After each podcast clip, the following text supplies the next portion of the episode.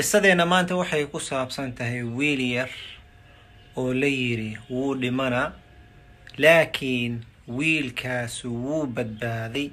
Intaa keliya ma ahani wuxuu noqday nin sheekh weyn oo intaasoo kun gacantiisa ku soo islaamtay. Haddaba wiilkaas yuu yahay siduuna ku badbaaday yaana sabab u ahaa inuu badbaado alxamdulilah wsalaatu wasalaamu calaa rasuulilah ola joogtaan assalaamu calaykum waraxmatullaahi wabarakaatuhu jimco walba iyo qiso cusub. Qisadeena maanta waxaa loo batay siyaa loo batay oo ahayd wiil la yiri wuu dhimanaa laakiin ilaahay badbaadiyey. Intaa keliya ma ahane daaci weyn noqday intaasoo kun gacantiisa ku soo islaameen qisadan waxaa ka sheekeynayo ninkii arrintan sameeyey ayaa ka sheekeynayo waa nin daaci ah dhakhtar ah kuweyti ah waa la wada yaqaanaa saa u doctor cabdiraxmaan asamiid ayaa la yidhaahaa ilaahi subxaana wa tacaala ha u naxariiso. Ninkaas maraan ka sheekeyn doonaa qisadiisi guuni aaga sheekeyn doonaa. Ninkaas wuxuu ilaahay gacantiisa ku soo islaamiyey malaayiin ayuu ku soo islaamiyey ninkaas ayaa qisada noo sheegaya marka. Doctor cabdullah samiid raximah llahu tacaala wuxuu yidhi maalin maalmaha ka mid ah anuu joogo tuulo tuulooyin ka mid afrikada dhexda ku jirto ka mid ah ayaan waxaan arku yidhi maamo cunug yar wadato oo nin hortaagan ninkiina ay la hadlayso ninkiina uu hadlayo ma fahmoyo waxay sheegoyo inuu dhahay. Laakiin waxaan dareemay gabadhan in wax loo qabta inay rabto ninkaana uu diidan yahay inuu qabto waxaan arkay marka maamadii ilmeyneysaan arkay. Aniga meeshaan taagana ma fahmuu yiri waxay sheegayeen meeshaan iska taagnaa wax yar kadib markii maamadii ka soo quusatay ninkii dhakhtarkiisan u soo fiirisay wuxuu yidhi waxaan dareemay inay rabto inaan caawiyo. Ayaan dareemay. Wuxuu yidhi way ila hadashay hadalkeeda ma fahmaayey nin mutarjim ayaan u yeeray kaalayaan ku dhahay. Waxay sheegaysaa ii fasir wuxuu ku tiri marka cunugan yar ayaan rabaa in lii qaado oo meeshan xadaanada meesha carruurta agoonta lagu ilaaliyo lii geliyo ayaan u baahanahay. Ninkaana waa idiidoya ninkiian imid markaasaan dhahay maxaa ugu diideysaa? Wuxuu yidhi doctor cabdallah cunugan waxaa la yihi dhakhaatiirta waxay isku raaceen cunugan bil ama bilooyin inuu noolaanayo uu dhimanayo sidaa darteed ma rabi inaan waqti ku dhumiyo meeshiina waa buuxdaa ninkii markuu saasi ugu yiri waayahaan ku dhahay ninkii mutarjimkan u soo jeestay waxaan ku dhahay maamadan weydiiyey cunugan hadday iida haysanaysa meeqaa maalintii ku filan. Markaasay lacag sheegtay. Doctoorka wuxuu yihi lacagtii markaan arkay koo hal kooka koolo oo wadankeyga aan ku gato ayaa ka qaalisan uri cunugan maanta dhan wax kafaala qaadayso. Markaasaan waxaan dhahay uu yidhi hal sana lacagteeda waa kane hadda kadib haddaa wax u baahatidne ninkan uu imaam ninkiiaan warqad ugu qoray maalin kastay naagtaan kuu timaado sii waxeeda. Almuhim naagtii lacagta sidii u qaadatay. Way faraxday ninkiina warqadda waa u dhiibay oo markii u baahata si ugu soo noqoto. Wuxuu yidhi sanooyin kadib anuu xafiis iska fadhiyo ayaa waxaa ii soo gashay maamo soo gashay oo cunug wadato laba-iyo toban jir ah. Markaasi waxay igu tiri yidhi cunugayga waxaan rabaa inuu noqdo daaci inuu noqdo sidaadoo kalean rabaa inaan noqdo waa kane markaasaan waxaan ku dhaher okay maasha allah laakiin meel kale maxaa u giweyso maxaa aniga iigu keentay meel kale laga qoraa jirta cunugeeday fiirisay? Cunug yaroo aada u qurxan oo laba iyo toban jir ah oo luqal carabiya xataa yaqaano si fiican fasxada ku hadlaayo ayaa ila hadlay. Salaamu calaykum. Hooyadii waxay ii sheegtay qisadaada way iiga sheekaysay inaa adi i kafaala qaaday aadaan kugu faraxsanahay. Jazaaka allahu khayran. Anigana waxaan rabaa sidaadoo kale inaan noqdo daaci aan noqdo caalim aan noqdo ayaan rabaa. Waxaan rabaa arrintaasne inaa iga caawisid. Kadib maamadii sheekhi ayay waxay weydiisay cunugan yar ma taqaanaay sheekhi marka ma yaqaano intaasoo malaayiin qof wado maalintii la tacaamula.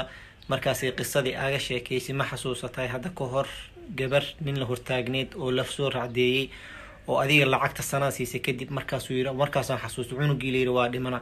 Cunugii markaan arkuu dhahay oo saa noqday farxad wuxuu yidhi ilina iga timid waa suuxay xataa huu yidhi. Sheekhi aada iyo aada ugu farxay. Cunug yaroo luqal carabiyana yaqaano luqada wadankuu joogana si fiican u yaqaano ka dhiman tahay diinta inuu soo barto. Sheekhii wuu farxa wuxuu yidhi intii horeba waa soo kafaala qaaday intaana u dhammaystira. Sheekhii cunug wuxuu u diray jaamaca islaamiya weynu u diray warqadu u qoray cunugii jaamacadii aaday wuu soo dhameeyey wuu soo noqday. Meeshii wuxuu yidhi waxaan u baahana daaci inaan noqdo. Cunug yaroo xalaal lagu soo tarbiyeyey waaye. Wuxuu yidhi sheekhow lacag ma rabi. Waxaan cuno iyo waxaan cabiyo meelaan seexda bisaan u baahanahay. Ana daaciyaan noqonaa sheekhi sidii ayuu ninkii cunugii ugu dhiibay meel ugu dhiibay. Ninkii gacantiisa waxaa ku soo islaamtay kumanaan kale ayaa ku soo islaamtay allahu akbar. Ugu dambeyntii walaalayaal qisadan waa qiso aada iyo aada u qiimo badan wallaahi oo aada u faa-iido badan. Bidaat dadka waqtigan jooga annaga aadaynu anfacaysay faa-iidooyinka qaar ka mid ahaan sheega adigana inta kala soo qor. Khayr allah ku siiye faa-iidada koobaad qof walboo annaga naga mid ee waxaa saaran waajib oo diintan ka saaran. Loo baahan yahay dadka kale inuu gaarsiiyo nebiga sala allahu calayhi wasalam wuxuu yidhi balliguu cannii walow aaya. War iga gaarsiiya hal aayaba allah ka dhigay. Culammada markay xadiidkan fasirayeen waxay dhaheen balliquu waa amar yaa ku amrooya nebi maxamed sala allahu calayhi wasalam cannii waa tashriif nebigaa ku sharfooya wuxuu ku leey risaalo oo anigoo nebi maxamed kuu dhiibay qaad. Walow aayah aayaba allaha ka dhiga waa takhfiif waa amar nebiga ku amray waa sharaf aa helaysid. Culeys badanna laguma saarin aayaddaa taqaanid dadka gaarsiiya. Taas macnaheeda ma aha wax kastaa taqaanid iyo waxaadan aqoodan inaad ka hadlaysid ama aad qasanaysid. Intaa taqaanid dadka gaarsii intaa taqaanid dadka bar adab iyo akhlaaq iyo xikmana isticmaal markaa dadka wax baraysa faa-iidada labaad xooluhuu ilaahay ku siiyey hal doolarba allaha ka dhigee ilaahay dartiisa u niyeyso. Ilaahay dartiisa u bixi. Dadka ku takhasusay dhaqaalaha waxay dhahaan qofka hadduu rabo nolol fiican inuu ku noolaado. Intuu yaryahay maalin walba hal doolar meel ha dhigto. Markuu weynaado nolol fiican uu ku noolaana. Anigana waxaan ku dhahaa haddaa aakharadaa rabtid inay ku wanaagsanaato lacagta ku soo gasho bishii ku soo gasho boqolkiiba toban allaha ka dhigee ilaahay dartiisa camal ah ku sameey ilaahay dartiisa u baxso. Faa-iidada saddexaad intaa nooshihid adduunka wax ka tag dac basma tag waari maysidee war wanaagsan ha kaa haro. Wax qabo ummaddan u qabo dugsi fur machad fur dadka wax bar. Haddaadan aqoonin culummada hadalkooda sii gudbi muxaadara sii gudbi dadka isugu yeer khayrka isugu yeer.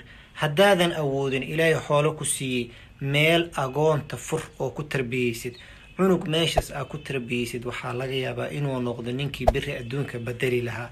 Ajirkiisa aa heshid. Xoolo hadduu ilaahay ku siiyey samee. Haddaadan xoolo haysan caqligii uu ilaahay ku siiyey dadka xoolaha leh iyo cilmiga leh inaad u tagtid barnaamijkaasaan rabaaye haligala shaqeeya. Dheh khayr allah ku siiya faa-iidada afaraad dadka diinta islaamka aan gaarsiino. Nebi maxamed sala allahu calayhi wasalam markuu cali la hadlayay wuxuu ku yidhi laan yahdiya allahu bika rajulan waaxidan inuu ilaahay adiga dartaa hal qof ku soo hanuuniyo ayaa kaaga fiican khayrun laka min xumri nacam adduunkan geelkan iyo lo-dan iyo waxaan dhan asaa kaaga qiimo badan. Idan weli ma ka fikirtay inaad ilaahay dartiisa dad ugu yeertid diintan inaad dadka bartid dadka inaad akhlaaqda wanaagsan bartid weli ma ka fikirtay. Hadday haa tahayne ku degdegoo sameey haddaa wadidne sii wad khayr allaha ku sii dad kale sii training garee haddaadan weli ku fikirinne ku fikir hal qof oo ilaahay kugu soo hanuuniyo ayaa laga yaabaa inaad janno ku gashid. Faa-iidada shanaad acmaasha way kala khayr badan yihiin way kala fadli badan yihiin. Sadaqooyinkana way kala khayr badan yihiinoo way kala fadli badan yihiin meesha lagu bixinayo ama meesha lagu samaynayona way kala khayr badan yihiin ama way kala fadli badan yihiin. Xoolo markaa bixinaysid waxaa fiirisaa meel oo aada laaga baahan yahay. Sadaqa markaa bixinaysid sadaqa hal maalin kuu soconayso iyo sadaqa jaariya kala fiirso sadaqa jaariya markasta baxso.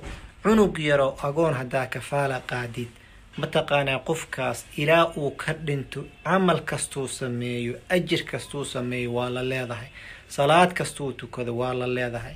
Kitaab hadduu qoro ajirkiisa waa la helaysaa idan camalkaaga iyo sadaqadaadana meel fiican iyo waqti fiican u fiirso sidii businesskaaga ugu fikiraysid aakhiradaadana ugu fikir. Faa'iidada lixaad kun raxiiman qof naxariis leh noqo. Qofaa aragtay wax u baahan caawi qofkaas waxaa laga yaabaa inuu noqdo qofkii beri adduunka bedeli lahaa. Nebiga sala allahu calay wasalam asagoo nagu boorinaya raxmadda wuxuu yidhi man laa yarxam laa yurxam qofkaan naxariisanin looma naxariisanayo. Xadiidka rasul sal l slam wuxuu yihi irxamuu man fi l u naxariista dadka adduunka joogo. Yarxamkum man fi samaa. Ilaaha idiin naxariisanaya idan qof naxariis leh noqo qofaa aragtay wax u baahan cunug agoonaa aragtay qof waxaa aragtay tuugsanaya aragtay qof caawinaadaada u baahanaa aragtay ha ka bakhiilin haddaa awoodid garab istaag ilaahayna adina wuu ku garab istaaga adduun iyo aakharaba faa'iidada todobaad iyo faa'iidada sideedaad sagaalaad tobanaad intaa wadi kartid wad khayr allah ku sii adigaa lagaa rabaa soo qor bakhiil ha noqonin waxaa laga yaabaa dad kale inay ka sii faa'iidaystaan ilaahay subxaana wa tacaala dartiisaan idiin jeclahay. Waxaa idinka codsanaa faa'iidooyinka inaad ku camal fashaan walaalihiina kalena u sii gudbisaan. Jazaakum allahu baaraka jazaakum allahu khayran baaraka allah fiikum. Waa inuu jimcada soo socota iyo qiso cusub. Asalaamu calaykum waraxmat ullaahi wabarakaatuh